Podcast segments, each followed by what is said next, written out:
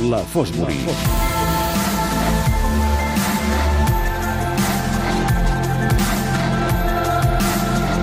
Roger Castillo, bona nit. Bona nit, Pere.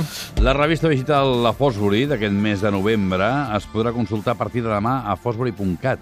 Sí, així és, surt demà, per tant, eh, res, només animar els oients de Catalunya Ràdio del Club de la Mitjanit que estiguin atents perquè surt aquest número de novembre. Parlem especialment de la relació entre patrocinadors i esport, que és una relació molt interessant. Patrocinadors i esport. Sí, amb reportatges, entrevistes, fins i tot un diccionari divertit de l'A a la Z dels patrocinadors de les últimes dècades a casa nostra doncs, que han estat més importants. Pensem mm. que és un factor de l'esport doncs, que s'ha de tenir en compte, però avui no parlem d'això. Eh? Avui avancem un dels temes que sortirà demà, mm. però és de la secció abans de Fosbury, que és una secció que parlem d'història, i en aquest cas parlem d'un tema que ens ha fet la gent d'Històries d'Europa.cat, que és una gent doncs, que col·labora sempre amb un article al mes, mm. i que parla, en aquest cas, d'un tema d'aquests eh, bèsties que tenen relació amb l'esport, però molt més en context polític, social, històric, doncs que si et sembla entrem, tant, entrem mira, al detall. Ja estic entregat. Ens hem d'anar cap, a, cap a Irlanda, anys 20. Eh, parlem del diumenge sagnant. I algú dirà, ostres, això no va passar el 1972 a Derry, Irlanda del Nord?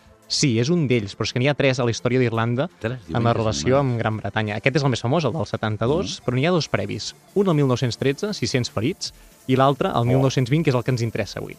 Aquest del 1920 hem de posar un pèl de context perquè tothom se situï. El 1918, dos anys abans, el Sinn Féin guanya les eleccions, es comença doncs, a avançar fermament cap a la independència d'Irlanda, esclata una guerra, la corona britànica no hi està d'acord, i, del, i del 1919 fins al 1921 hi haurà una guerra molt cruenta entre les dues parts del conflicte. L'IRA a Irlanda té molt de pes, té molts de voluntaris, recordem que és l'exèrcit republicà d'Irlanda i que en aquell moment doncs, busca, eh, doncs, podríem dir, l'alliberament del poble, diguem-li com, com vulguem, i la corona britànica intenta impedir-ho.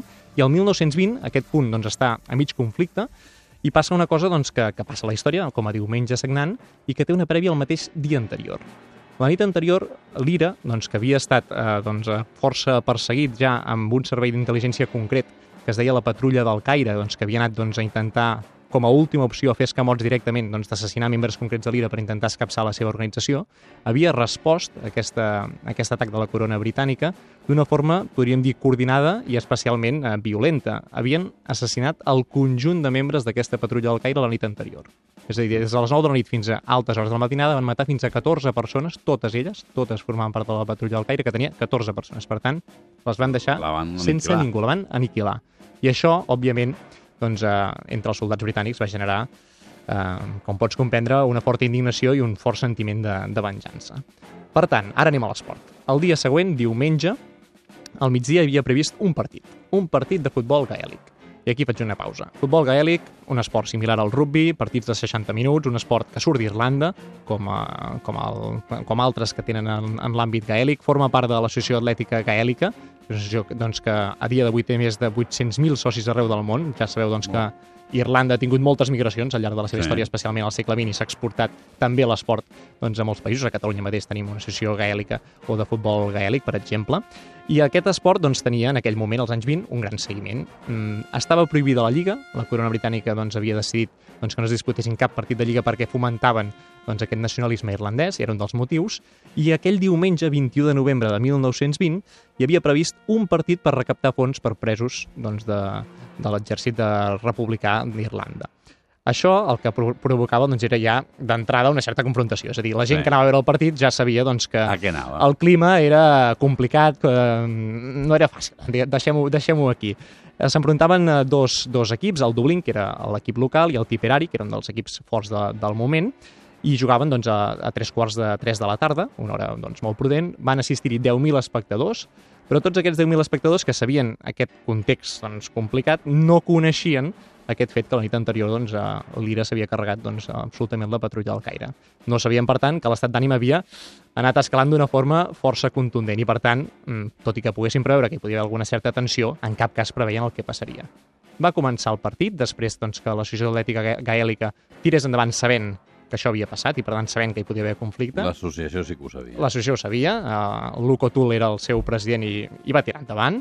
Uh, els soldats britànics ja van començar a encerclar l'estadi pocs minuts abans de començar el partit i tot just l'àrbitre uh, Salmon dona el tret de sortida, passen 5 minuts, soldats britànics entren dins l'estadi i comencen a tirotejar un tiroteig que dura 2 minuts sense parar, 2 minuts indiscriminadament cap a l'afició, cap a qualsevol persona que estigués allà, mata 14 persones, entre elles el capità del Tipperary, Michael Huon, que va passar a la història, malauradament, doncs, com, un, com una icona, i ell, evidentment, no hauria volgut ni ningú doncs, dels que estaven en aquell moment a l'estadi. Molta gent intenta fugir de l'estadi, cap al mur, saltant doncs, cap a un canal que ja és just al costat. Eh, els soldats britànics es retiren, detenen a tots els jugadors, perquè entenen que era un acte prohibit i que podien ser membres, doncs, si no de l'IRA, com a mínim voluntaris o, o proclius a la seva causa, i a partir d'aquí doncs, aquesta, aquest uh, factor doncs, encara té més conseqüències, doncs, amb detinguts i més tirotejats al castell de Dublín. Conclusió, 31 morts d'aquest diumenge sagnant per un partit, un partit de futbol gàl·lic, que no deixava de ser això entre dos, entre dos equips i que, per tant, doncs, afecta l'esport d'una forma molt, molt directa.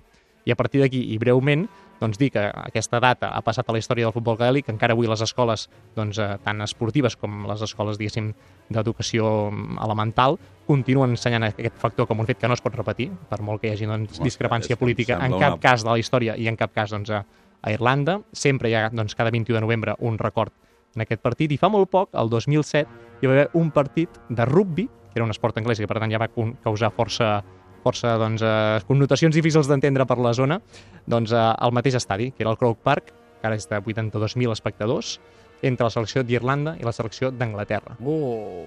Irlanda va guanyar la, història, la, la victòria més gran de la història contra Anglaterra. Anglaterra va encaixar la pitjor derrota de la seva història i és emocionantíssim veure els jugadors plorant, escoltant l'himne i recordant tot el que havia passat allà 87 anys abans.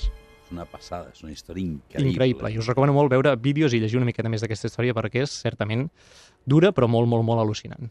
Uh, M'ha agradat molt. M'agrada. M'ha agradat molt, molt. Uh, a mi m'agrada molt la història, eh? però és que em sembla, mira, se'm fot la pell de gallina. És que és molt dur, eh? És Uh, molt dur. abans com d'acabar, com sempre, volem conèixer el moment Fosbury d'aquesta setmana. Sí, uh, breument, ja que hem acabat doncs, dient una coseta de rugby, doncs uh, explicarem la selecció irlandesa. Aquest mateix cap de setmana ha guanyat els Springboks de Sud-àfrica per Carai. 29 a 15. Ho ha fet, recordem, doncs, uh, tot just un mes després que els de Sud-àfrica s'hagin carregat a Nova Zelanda, que portava dos anys sense perdre cap partit. Per tant, un bon moment també per Irlanda en el rugby ara mateix. Un moment espectacular, com el que acaba de rebre la Natàlia Llorenç, que s'endú les entrades del teatre. Fantàstic. Eh, veus? La felicitem des d'aquí, tant. tant. Felicitats. I felicitats a tu i a la Fosbury per aquesta història que ens has explicat, que és realment espectacular. M'ha agradat molt. molt Que bé, ho molt. celebro. Eh, doncs mira, hem arribat fins aquí. I ara arriba el, el Solà, que és un home que jo crec que podria, podria aportar-te idees a la Fosbury, perquè els seus oients, els oients de, de la nit dels ignorants 2.0, tenen unes idees gairebé tan inversemblants com les vostres. No, eh, els Solà? escoltem i certament surten uns temes impressionants de vegades. Bé,